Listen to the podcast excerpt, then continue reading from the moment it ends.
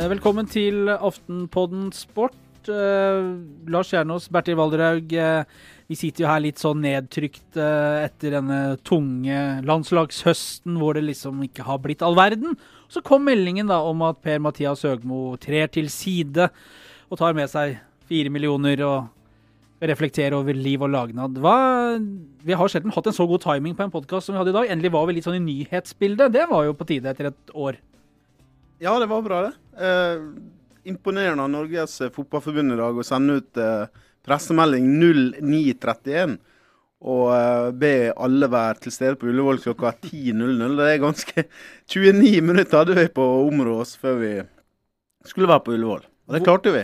Hvordan eh, slo meldingen ned om at Høgmo eh, er ferdig som landslagssjef på Årvoll, Lars Kjernås? Den slo ned som en, en venta nyhet. Eh, det måtte komme, holdt jeg på å si. Det, det er kanskje litt stygt uh, sagt. Men uh, når trykket blir så sterkt uh, eksternt som det har vært en god stund, og når trykket blir så sterkt internt som jeg tror at det har vært en stund, så er det ufravikelig at, at det ender med en avgang. Det er mange ting å snakke om rundt dette. Vi får prøve å ha tunga i rett munn. Men uh, må starte altså det Tsjekkia. Jeg var jo, uh, var jo, på den turen. Uh, det var et eller annet sånn i retrospekt interessant når Høgmo inne på taxfree-en på Gardermoen klemte spillerne, tok de i hånda. Det var et farvel som det kanskje lå mer i enn man kunne tenke seg der og da.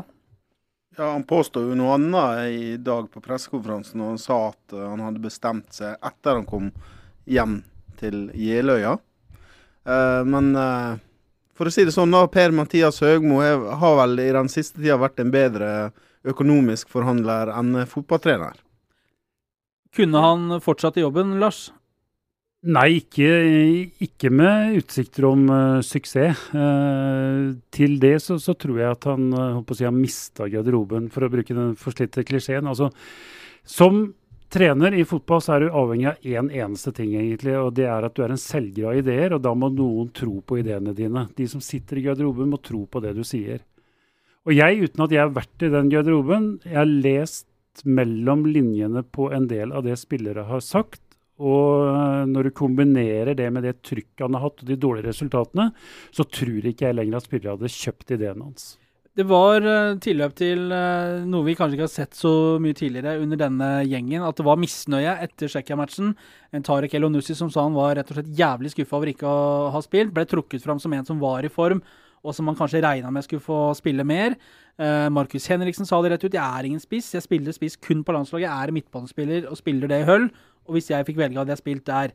Uh, Mats Møller Dæhlie ble drilla i en kantrolle. Eh, jeg var der og så det i 80-85% av alle treninger. eh, ble henvist til benken. Siljan igjen ute til høyre. når den frustrasjonen begynner å komme ut, at folk begynner å fortelle at jeg er misfornøyd og mis ikke liker de avgjørelsene, da er det vel ingen vei tilbake? Nei, men det var ikke det heller. og Det har vi skjønt gjennom hele høsten, egentlig. At når resultatene uteblir, så er alt en landslagssjef eller en trener gjør, feil. En trener kan uh, lese dikt, han kan ha sprettballer, han kan snakke mobiltelefon, og gjør egentlig eh, alt mulig så lenge resultatene er der. Men med en gang resultatene begynner å bytte imot, så vil alt bli brukt imot han.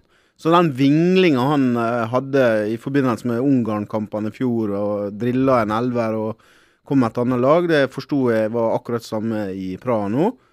Uh, det hadde vært vel og bra det hvis du hadde vunnet kampen, men når du taper kampen, så vil det bli brukt imot deg. Sånn, det er gamet. Ja, altså Som trener så har du egentlig bare tre, tre, ting å forholde deg til. Det, det, ene er at du må vite hva du skal gjøre. Det andre er å vite hvordan du skal gjøre det. Og det tredje er å vite hvem som skal gjøre det. Og Det som jeg syns er litt rart, det er at når du kommer til en landslagssamling med en så avgjørende match foran deg, så bør du ha flere brikker klare. Du, skal ikke bruke de fire dagene du har da til å prøve å teste ut en haug med forskjellige ting. Du skal ha klart i hvert fall åtte, ni, ti, kanskje til og med elleve av de du har lyst til å bruke. Og så skal du drille dem stort sett hele uka. Så skal du blåse om eh, de som da sitter utafor er misfornøyde med alt annet. Altså Du må kutte ut alt som ikke betaler seg. Og det som betaler seg, det er å drille den gjengen som skal spille. Så for de andre elleve, de får finne seg i å imitere Tsjekkia, da. De har gjennomanalysert Tsjekkia på forhånd. De veit hva Tsjekkia kommer med. Så for de andre elver de får være shadow av Tsjekkia på treningsfeltet, i stedet for å prøve 17-18-19 spillere etter tur om hverandre, og skape den usikkerheten som jeg skjønte ble skapt. 1145 dager etter at Høgmo satt og smilte bredt eh, på podiet på Kinoteket på Ullevål stadion, så satt han der igjen i sivilt. Eh, ringen var sluttet. Han fikk tre år. Eh, og tirsdag, altså i går, eh, så var det ett år siden fiaskoen i Budapest, som for alltid vil stå med store bokstaver i Høgmo sin landslagshistorie. Ja, to, var det ett år og én dag for, for mye? Ja, ettertid så kan man si det, men man visste ikke det da. For at det, i fjor høst så hadde faktisk vi, vi har jo en tendens, vi i media, til å svartmale men i fjor høst så var landslaget ganske bra, og, og mye av det Lars snakka om her i sted, det var jo at da hadde han en ganske klar idé på hvordan laget skulle være, og hvordan de skulle spille. Og så tapte de da på slutten av kampen mot uh, Italia der, og etter det så mista han det. Altså de to kampene mot uh, Eller i hvert fall bortekampen mot Ungarn. Hjemmekampen var ikke så aller verst, men de hadde litt utur og tapte 1-0. Kunne fort ha leda 1-0 etter et par minutter. og da hadde kanskje verden sett annerledes ut. Men eh, man må slutte å snakke da om stang inn eller stang ut. Altså, det siste året har vært grusomt. Det er derfor Høgmo ikke har jobb lenger. Eh, Lars uh, Høgmo predikerte hele den siste uka han hadde som sjef, at fotball er ferskvare. Uh, likevel så begrunner han da laguttaket sitt med at det var spillere som spilte godt sammen i fjor. Når du ikke kan, på fredag kan stå for det du sa på tirsdag, hva forteller det? Det forteller jo først og fremst at av de to utsagnene så er det ett som er uh, sant, etter min mening, og det er at fotball er ferskvare. Uh, du, du, tar ut et lag av de som er i best form uh, per dags dato. Og det viktigste, du plasserer dem i roller som de spiller til daglig. Dvs. Si du, du setter spesialisten inn på din plass. Da hadde vi unngått å gjøre Per Siljan Skjelbred til en litt sånn komisk figur på, på landslaget, som han dessverre, har, som han dessverre har blitt. Markus Henriksen har blitt det samme. Altså, I stedet for da å bruke spesialistene på sin plass, i stedet for å, å leite etter å, å dytte de elleve beste spillerne ut på banen for å, å finne plass til dem, så blir det aldri noe Altså, én ganger elleve er mye viktigere enn elleve ganger én. Ikke minst på et landslag hvor du har så lite tid sammen. Hvor, hvor, hvorfor eh, altså, hvor, Det virker bare for oss da, som, som sitter litt på utsida Det virker jo så elementært det at hvis Siljan spiller én av to defensive her til Berlin, eh, så, så det må det være verdens enkleste sak i verden å la han spille der på landslaget òg. Ja, er jo keeper. Eller plassere han på benken. Jo, jo, jo, men, det, jo, jo, Hvis han skal spille, da. Ja, men så er jo Høgmo sitt argument at han var bra i fjor, konstellasjonen med han og uh, El Abdelaoue på høyresida skapte en del eh, gode muligheter for Norge. I fjor høst, i den gode perioden, og da, da romantiserte kanskje Høgmo det litt for mye, da. Og trodde at det skulle være løsninga. Men eh, mot Tyskland så spilte vel eh, Veton Berisha på kanten. Han var ikke akkurat strålende, han der. Du tenker på han som mente at han burde starte kampene, at han var mer enn god nok for laget, som starta på ja, benken for 21 tirsdag. Det var han du han, Ja, jeg, og, og, det merker jeg provoserte meg så inn i hampen og han sa det. For da er det bare å sende en video eller DVD eller en link på kampen mellom Tyskland og Norge på Ullevål. Det var 90 minutts bekreftelse på at Veton Berisha trenger å spille mer U-landslagsfotball før han er klar for A-landslaget. Og kanskje er vi vel litt av kjernen. Altså det, er, det er spillere som har et eh, selvbilde, en del av dem som ligger ganske høyt over det de faktisk har prestert. Og da er det, det, er greit. altså Per-Mathias Høgmo har gjort en, en, dårlig jobb, spesielt den siste tida med landslaget. Men han har søren ikke hatt all verdens med billedkort på hånda heller. Fordi Sjøl om det står fine klubbnavn bak en del av dem, og noen av dem presterer godt som Jarstein i hverdagen sin, så er det et, landslag som er eh, for grått og profilløst. Og det skal den neste treneren også få merke, hvis han ikke eh, kommer til et bord hvor U21-spillere har blomstra veldig i mellomtida. Alle vi er jo ydmyke karer av folket på alle mulige måter. Vi er jo glad i en opptur og tar gjerne med oss en nedtur. Krummer hempa og gir oss i kast igjen. Hva sitter dere igjen med etter tre år med Høgmo som dere liksom vil tenke på når dere blir enda eldre og gråere. jeg tenker, jeg har vel lest en bok som heter 'Fra ord til handling', og, og det var vel der det skorta. Han Ikke var den veldig den han var, Nei, men han var veldig eh, Det var store ord og store vyer og drømmer. og Det var ikke måte på hvor, hvor mm, store muligheter Norge kunne Ikke ha den for å bli bra. Den sprettballen kom vel ikke før etter et par måneder, men opp og ned. Men det var diktsamling og alt sånt. Men, Den eh, eldre Edda var det vi Ja. men det ble dårligere og dårligere. Altså, siste året har vært helt Altså, det, det har vært så flaut å se på landslaget. Og, Høgmo, ja, men spillerne Jeg håper vi får inn en landslagssjef som får skremt spillerne til å yte nok. Det skal vi eh, snakke mer om bitte litt senere. Hva sitter du igjen med, Lars, etter tre år med 10-7-18, det er statistikken hans. 10 seire, 7 uavgjort og 18 tap. Og det er vel egentlig altså, Vi kan diskutere at ting har vært bra eller ting har vært uh, dårlig, at du var 17 minutter unna i Italia osv. Men 10-7-18 er i nøkterne tall. Det er for dårlig. Og et gigantisk ras på Fifa-rankinga, det er for dårlig. Som A-landslagstrener i fotball så skal du måles kun på én eneste ting, og det er resultater. Og de har ikke vært gode nok. Og landslaget nå, det selger jo som råtten fisk på torget. Ja, men det gjør det, altså. Fordi eh, En ting det er det dårlige resultat, men alle, alle den dominoeffekten av det, det, altså det all, Bare gå på sosiale medier, så ser du hvor eh, Det er ikke mange gode ord om stådet i norsk fotball. Hadde landslaget gjort det bra, så kan man leve med at, eh, at eh, klubb, klubblagene ikke gjør det så bra. Men nå er alt elendig. Og eh, det er dårlig med publikum eh, på landskampene. Det, det vil bli lite salgbar framover. Så jeg tror at det gevinsten ved å eh, kvitte seg med Høgmo nå, er mye større enn 4,2 eller 4,3 eller hvor mye penger han får det siste året. Ved å ha han der, så hadde det vært mye verre. Du snakker om gevinst. Eh, Det er jo sånn på dette nivået at det er kontrakter som er helt vanntette. eh, Enten du får sparken eller trer til side. Eh, Høgmo får årslønn for 2017. eh, Om man ikke da finner seg en annen jobb innen idretten i løpet av neste år. Har jeg sånn kontrakt i Aftenposten, Bertil? Det spørs hvor flink du har vært til å forhandle fram avtalen. Har vel ikke kontrakt, vel? Det er som fremmedarbeider, jeg. Nei, men det er jo har, Du som redaktør har sikkert noe sånn. 4,2 og 4,2. Ja. ja da, men eh, at, eh, at han skal få eh, når kontrakt, Det er jo ikke sånn at når han slutter som landslagstrener, så skal han ha null og niks. Altså, det er jo ikke sånn det funker i arbeidslivet. Og det å være fotballtrener, det er å forholde seg til en kontrakt. Så er spørsmålet hva som står i den kontrakten. da. Hvis Norges Fotballforbund har vært så dumme å gi han eh, ett års etterlønn eller lønn ut hele kontraktsperioden, så, så skjønner jeg at Høgmo skal ha det.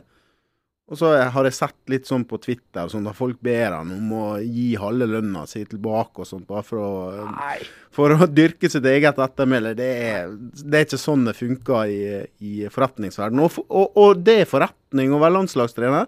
Han har vært en nasjonal hoggestabbe nå siste året, så at Per Mathias Høgmo eh, fortjener hver Nei, krone. Nei, det, det, det er ikke det jeg sier, men at han, eh, at han skal få lov til å puste litt ut nå, og, og for all del da eh, komme seg, komme seg ut av det her, og, og kanskje komme tilbake som trener.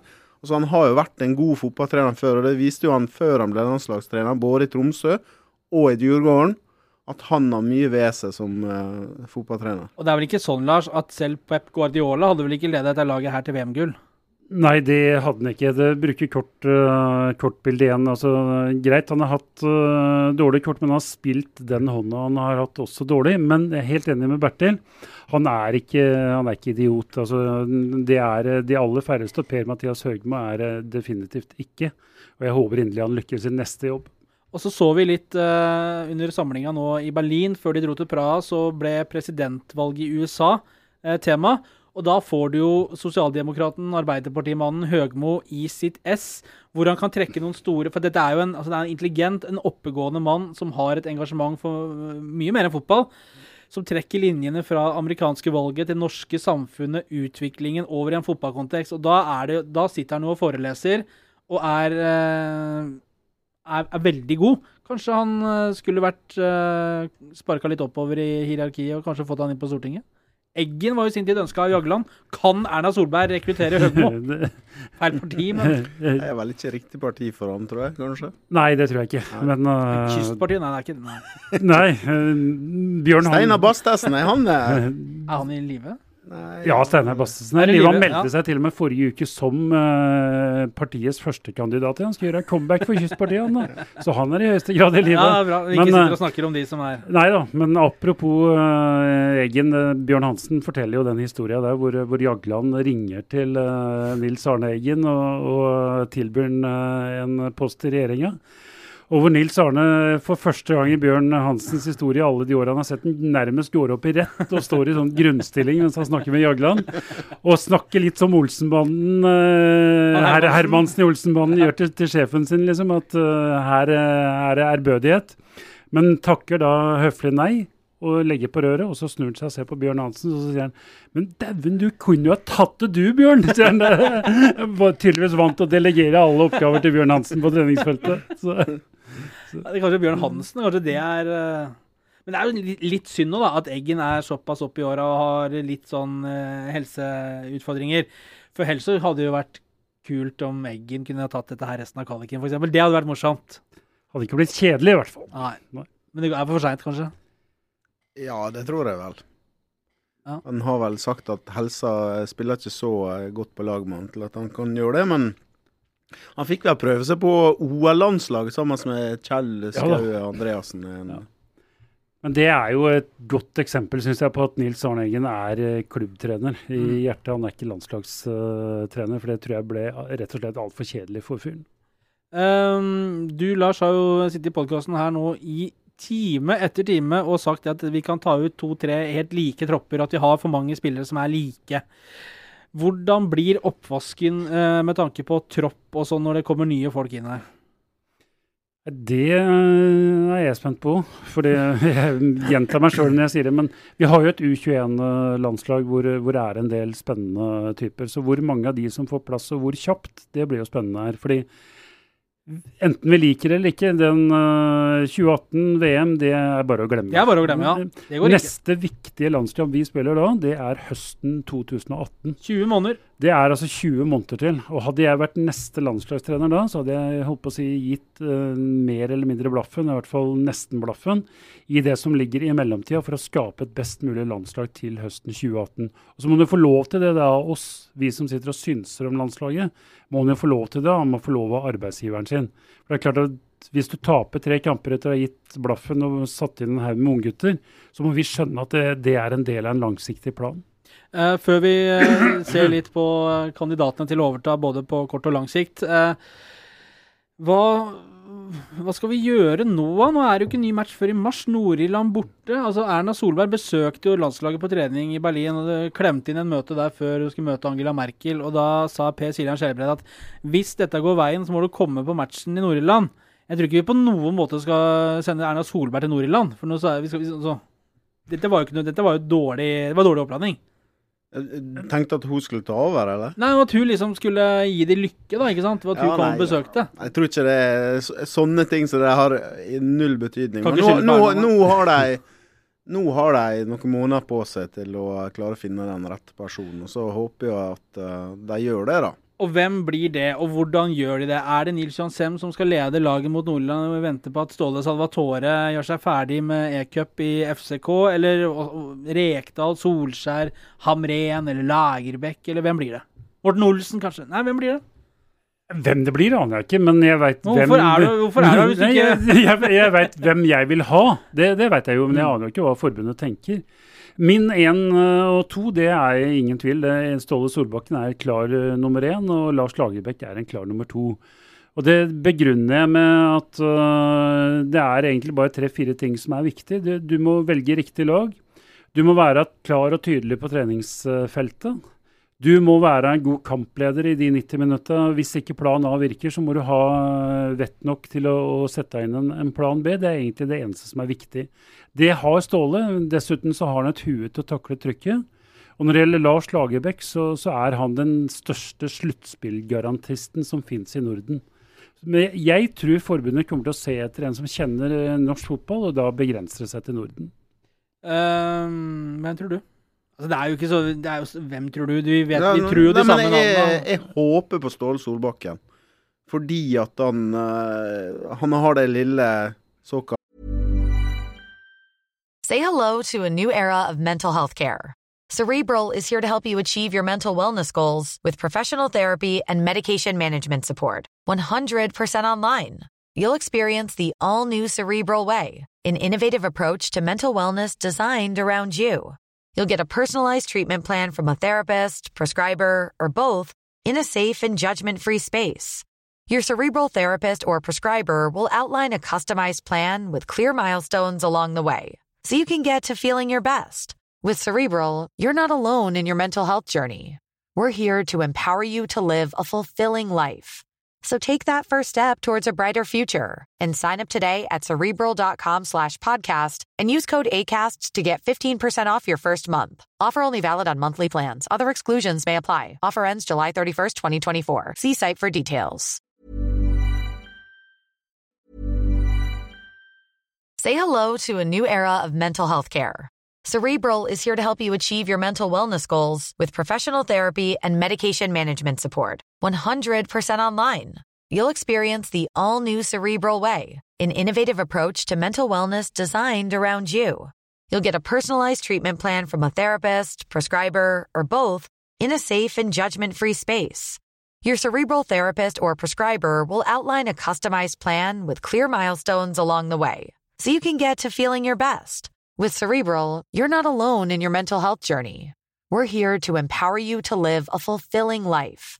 So take that first step towards a brighter future and sign up today at cerebral.com slash podcast and use code ACAST to get 15% off your first month. Offer only valid on monthly plans. Other exclusions may apply. Offer ends July 31st, 2024. See site for details. Botox Cosmetic, out of botulinum toxin A, FDA approved for over 20 years. So, talk to your specialist to see if Botox Cosmetic is right for you. For full prescribing information, including boxed warning, visit BotoxCosmetic.com or call 877-351-0300. Remember to ask for Botox Cosmetic by name. To see for yourself and learn more, visit BotoxCosmetic.com. That's BotoxCosmetic.com. eh, å være sinnssyk, som han sier han er. Svenna, mener du? Svenna er på en iskrigerne. Jo, men han har det pisser og- kombinert med alle disse andre forutsetningene for å kunne gjøre en god jobb. Og så tror jeg han er såpass kynisk at det, han- skubber ut de som ikke har de rette holdningene, eller som sier dumme ting. og sånn. Det har ikke han bruk for. Så jeg, jeg tror vi trenger en landslagstrener som har den altså Spillerne har den respekten for at det, det går ut og så blør de for drakta. Og de syter ikke for at de må spille hengende spiss eller kant, eller eh, en posisjon som, er, som de sier at de er ukjent. Og tilbake til eh, Henriksen, da, som klager over at han ikke fikk spille der han spilte spiller i Hull. Men spilte ikke han hengende spiss i, eh, i eh, Nederland, da? Jo, han Har gjort det lenge. jo, så det, det, det, blir så, det blir så tåpelig når vi begynner å klage på sånne ting. Og det er En ny landslagssjef kan stille en del solklare krav, og hvis ikke de hører på han eller gjør det som skal til, så er det takk og farvel. Da har vi noen andre som er bedre. Har vi det?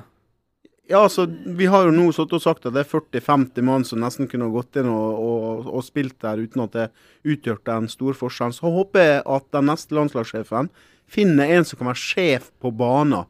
Som har den naturlige autoriteten og, og eh, de evnene som fotballspiller som får, med, medsp- får dratt med seg medspillerne. Det har det landslaget under Høgmo mangla.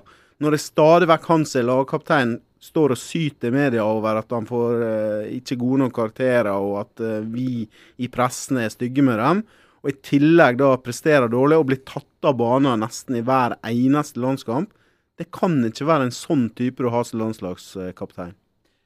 Eh, hvis vi får Ståle, da, så får vi vel fort også en eh, måte å spille på som uh, slettes ikke nødvendigvis er så langt fra det Høgmo ønsker, men en, kanskje en mer eh, hva, hva er det dere fotballtrenere kaller det? Situasjonsbestemt. At du kan kombinere kanskje måter å spille på.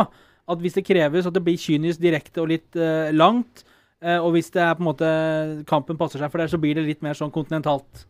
Altså, det, det, det Ståle har, som er annerledes enn Per-Mathias Høgmo, syns jeg, da, det er at han begynner med grunnmuren.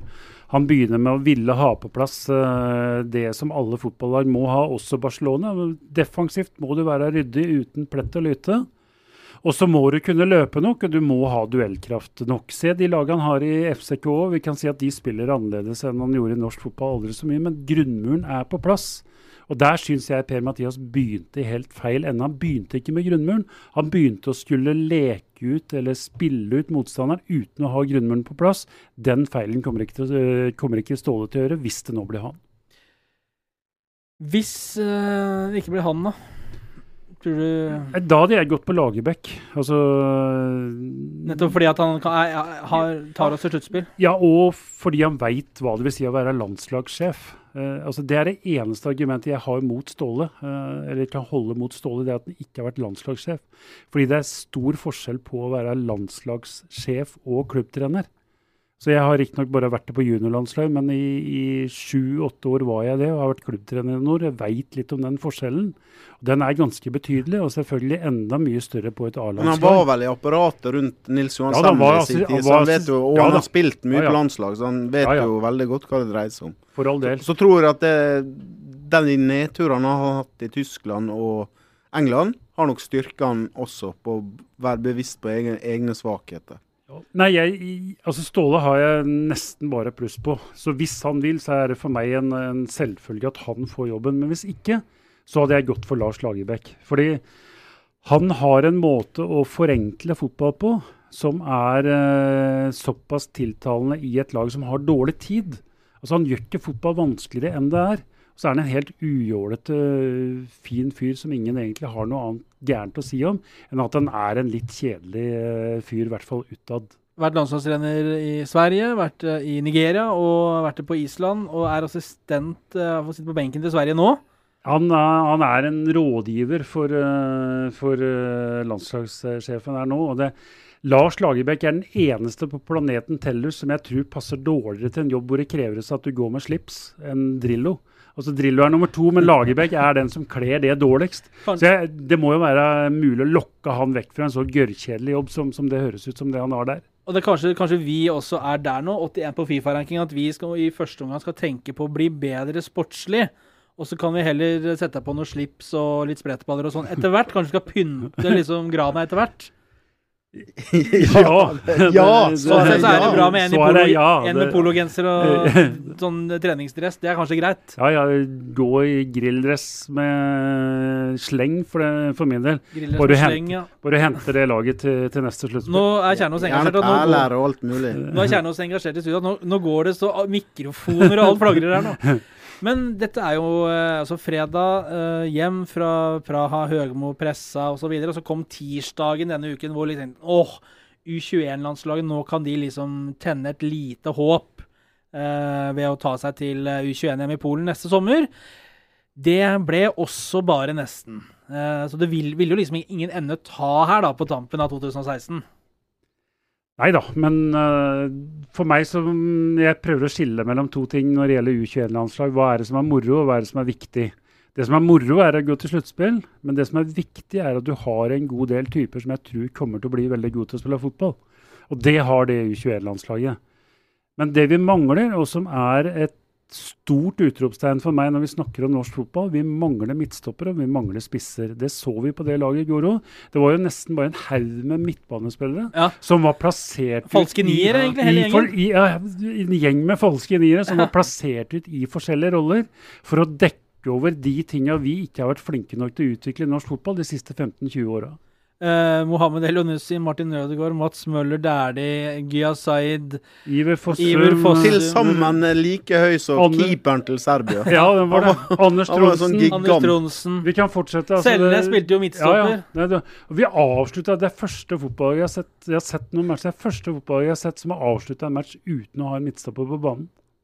Etter at de bytta ut Grønner. Tronsen er ikke midtstopper, Selnes er ikke midtstopper, men de var plassert der.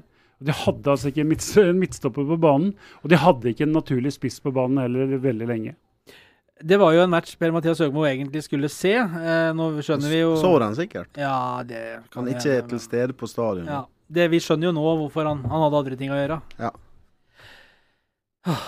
Nå er det én fotballkamp igjen. Nei, det er jo ikke én fotballkamp igjen, for det er jo mange fotballkamper igjen. Det skal jo spilles kvalik til Eliteserien. Det skal jo spilles så langt ut i romjula, sikkert. Det er, de banene. det, det, det er etter cupfinalen og disse kvalikkampene som eh, Da er det god vinter og god jul og god natta til norsk fotball, egentlig. Men uh, før det så har vi jo norsk fotballs uh, festdag. Med cupfinalen på søndag mellom Rosenborg og Kongsvinger. Og før det så har vi LSK kvinner mot Røa i Telenor Arena klokken 16. Uh, men uh, dette er vel en landskamp vi er ganske sikre på Nå kommer det inn så fryktelige lyder. Hva En er landskamp? Nei, nå har vi en fotballkamp. Nå har vi en fotballkamp hvor Norge vinner. Norge det er vi vinner. ganske sikre på. Norge vinner, og Rosenborg vinner. Det er helt sikker på at det, vi får en norsk seriemester og en norsk cupmester hvert år. Det er klinkende klart. Ja, og jeg er helt sikker på at Rosenborg blir uh, cupmester, sjøl om jeg skal fire nøytralitetsflagget mitt og si at jeg kommer til å holde med Kongsvinger. Du som har vært trener i HamKam, Lars Ernst, hvordan, hvordan kan, eller vært sportsdirektør i HamKam, hvordan kan du si noe sånn? Fordi jeg er fra Groruddalen, og der eh, dyrker vi outsidere. Men, men eh, Øyvind Tomteberg, skal han spille, eller? Tomteberget og Pellerud spiller sentralt. Ja. Vidar Sanderud midtstopper, eller? Ja, og uh, hva de heter de der eh, Stein Ystenes eh, Svein, Svein Ystenes og Olav Nysæter Ja. starter på topp. Arnfinn Da- eh, Arnfinn Engebakk. Starter på bekken. Jørn Dag Karlsrud på benken, eller? og Jørn Karlsrud. Dag Risnes, ja. Ja, Dag ja. Risnes altså Kongsvinger på uh, slutten av 80- og 90-tallet. Det var gøy å se på. på. altså. Francis, Geir Frigård og Ole Einar Martinsen var vel der òg? ja, ja, Ole Einar Martinsen var jo legende, nesten, Ja. i Kongsvinger. Ja. Det er jo uh, Trym Bergman var vel der? Spilte jo ut i Juventus også, i, i deler av kampen. Hai nok tran. Én hai i Norge. En hai i Norge. Det, Det var, sa, eh, det var en eh, landslagstrener som sa det. Hai nok tran kom til eh, Norge som eh, 18-åring og debuterte på G15 tre år seinere. ja, det. Jeg trena ned på aldersbestemte landslag. Det kan, kan man nesten uh, skrive under Han var over the top da han var midten av 20-åra. Men vi møtte, altså, vi møtte Russland en gang, og var hai eh, over året. Altså, de hadde en fyr som er garantert ikke var under 35, som spilte altså G17-landskamp mot oss. Det er det verste jeg til dags dato har sett.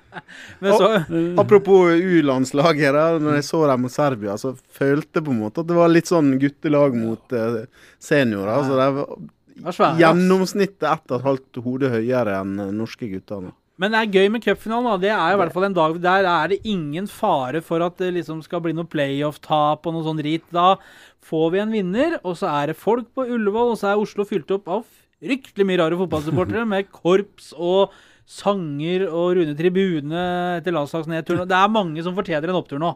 Ja, det er det. Det er rare med det, ja. det er ingen lag fra Møre og Romsdal som er der, som det pleier å være. Takk Gud for det. Nei, det er, men, men jeg er ikke like sikker som Lars på at det her blir one way traffic eh, på Ullevål, fordi eh, Hødd slo jo uh, Tromsø for noen år siden. og Det var som tredje Tromsø, da.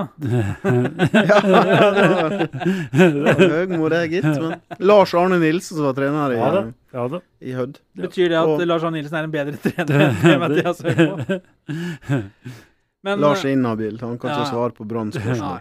Men altså, hvem er det egentlig som bryr seg om fotball? For nå, denne helgen som kommer nå, så er det rett og slett nasjonal langrennsåpning på Beitostølen, dere. Nå kan vi glemme nedturer. Øh, Nå endelig går vi inn i sesongen hvor Norge er best. Ja, bortsett fra at det, det er ingen Northug eh, på Beitostølen eh, Akkurat. i dag. Det er ingen eh, Jonsrud Sundby, det er ingen Johaug, og det var ingen Bjørgen. Det, det var i dag, når de skulle ha pressekonferanse og stor ståhei. Så da var det alle som som flokka seg rundt eh, Heidi Weng, da. Så, ja. men hun kommer til å gå, og, kanskje også Bjørgen. og Flugstad og ja da, det blir bra, det. Men, eh, men eh, det var nedtur for mange som reiste opp til Beitostølen for å snakke med de største norske langrennsløperne, og, og uh, ingen av dem Du- dukka opp. Du hørtes litt overrasket ut over at Johaug ikke var der, men da kan jeg si at hun, har en litt sånn, litt sånn, litt sånn lei sak gående, skjønner du. Ja. ja.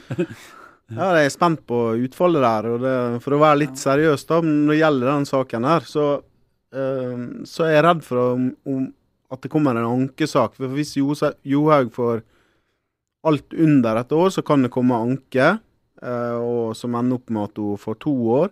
Så Antidoping Norge eller domsutvalget er jo litt pressa på hva type straff skal hun få.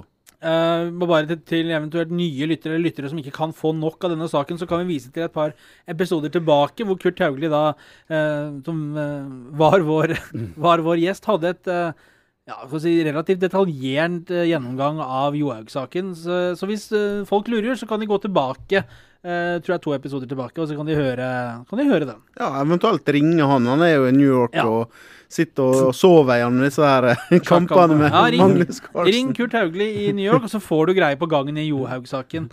Lars, eh, altså som vår langrennsekspert, hvor mye gleder du deg nå til å kunne slå deg ned i helga nå med 15 km fra Beitostølen, eller hva det er? Det er stor idrett, vet du. Skal ja. se på uh, klassisk langrenn i fire minusgrader og passering 1,7 km. Ja. Det blir uh, rett og slett stort. Og Du veit jo også nå når det drar Det er litt i Oslo, så er det fortsatt litt sånn halvmildt og regner og sånn, men du veit jo hvordan det er oppe på Blankvanns nå. Der ja, legges grunnlaget. Ja, jeg, har vært på ski, jeg. Så jeg var jo helt lysende forhold i Lillemarka, faktisk. Med nyoppkjørte spor og full pakke. Du har vært der? Ja, ja, er du gæren. Yes. Hva, må jo, altså Som langrennsekspert så ja. må jeg jo rett og slett ut og teste ja, forholdet. Jeg kan, kan, ikke sitte her og påberope meg legitimitet som langrennsekspert uten å være ute i snøen. Traff du på Kvikklund? Åssen lå han? Carl eh, Kvikklund uh, ser ut som han skal slite med meg i motbakkene denne vinteren. Han var blåfrossen etter en, en, en, en, sommer i marka, vel? Sjanseløs på å henge med. Bertil? Nei, jeg kommer ikke til å sitte og se på, for jeg skal ut og gå sjøl. Jeg skal uh, på Langrennsviken på Nordseter ved Lillehammer. Årvoll IL eh, jente 07 skal ha treningsviken der, og uh, da skal jeg Du har henta en som smørekspert? jeg satser på at vi har folk med bedre egenskaper og kunnskaper om det enn meg der. Ja, for, jeg skal ta skøyteskia og skal gå langt til skogs alene. Husk på at du smører på undersida av skia, Bertil, og ikke over. Du, Bertil får ikke kladder under skia, får kladder oppå. Men hvordan vil du gi terningkast på smøreresultatene dine forrige sesong? Nei, altså, Som jeg skrev på Facebook før helga, så leste jeg en sak i Aftenposten om uh, at uh, eh, 90% av oss kan bare kjøpe ski med såle, hvis du skal gå klassisk, da, vel merke. Såle? Ja, eller smørefrie, som det får mene man. Liksom. Og det kommer jeg til å gjøre. Jeg hadde tenkt å gjøre det helga, men ble opphengt i andre ting. Men jeg skal kjøpe smørefrie ski. Da altså- slipper jeg disse greiene. For jeg er nok blant de 90% som ikke trenger å uh, ha liksom de beste skia hele tida. Men er det sånn at vi altså Jeg syns jo noe av sjarmen er jo å drive og smøre og styre og søle i sofaen og sånn, og med glider som ikke aldri går bort. og ja, men det er hvis du smører til deg sjøl. Ja. Men når du har en datter som kommer som en sånn sint lemen og slenger skia i fanget på deg og sier at eh, 'ta smørekurs, pappa', ja, men da du må jo, må jo kunne høre på dattera di innimellom. Ja, Vi har jo gitt deg tips her en hel sesong. Det er sjanseløst. Jeg er like dårlig til å smøre ski som Lars Kjernås er med elektrisk databehandling. Og det er ille. Dette er kamerater å ha, det. Stiller du opp, og så eneste du blir, blir hunsa fra A til Å. I, dag så kom Lars Kjernås og klarte faktisk ikke å åpne databagen sin. Så ille er det. Det er helt riktig. Ja, men det er krevende saker. Glidelåsen må, gå riktig vei, og det er ikke, det er ikke gitt, den løsninga der. Men uh, bety, altså, er det sånn at de skia hvor du er, Det er sånn teip du snakker om, ikke som du legger under, eller? Nei, du har bare en sånn såle, visstnok. Det er ikke noe teip så, lenger. Altså, såle? Ja, altså, du har en sånn liten tøybit som ligger under skia. Og ja. du trenger ikke å smøre, du trenger ikke å ta den av, du bare går med den. Jeg trodde det var liksom da, nesten du setter på en sånn der Ja, riktig. Sånn, ja. jeg skjønner hva du mener nå. Ja. Nei, jeg gikk jo sammen med en fyr i fjor vinter som hadde sånne, og han, han hadde bedre fester med, og han sklei lenger enn meg. Selv om jeg hadde stått og smurt skia mine i en halvtime. Og da tenkte jeg at det der det er framtida for Valderhaug, i hvert fall. Ja, Er det rett og slett Du Lars? Du smører nei, nei, du, eller? litt av sjarmen er jo å smøre seg bort. Ja, jeg, ja. Jo, da har du jo til og med, til og med unnskyldninger når du blir forbigått av 80-åringer innover ja, i marka. Ja. Da har du dårlig ski, selvfølgelig. Aldri i egen form det er noe gærent med. Nei. Jeg kommer aldri til å gi meg med smøring. Jeg må ha den fluktutveien. Har du treski? Ja, du har treski? Treski, selvfølgelig. Arva, arva etter Magne Myrmo. Åsheim eller Åsnes? Åsnes. Åsnes. Åsnes. Den gamle Pelton-plank som står innerst inne i den Ja, ja. gamle cornerflagget og Ja, ja. ballnett. Ja. Ja, Men det er, det er jo sjarmerende å ise rubben, ikke det? da? Ja, ja, Det er bedre å ha det der enn hei, hei. uh, vi gleder oss i hvert fall til at vi får se våre beste menn og kvinner uh, skal stake seg gjennom oppe på Beitostølen. Uh, og så har vi andre ting vi kan glede oss. Altså, så lenge ikke fotballen varmer, så kan vi kose oss med langrenn på dagtid og sjakk på kveldstid. Hvordan er døgnrytmen nå, Lars Jernås, du som jo er også vår sjakkekspert langt på vei? ja, det, ja.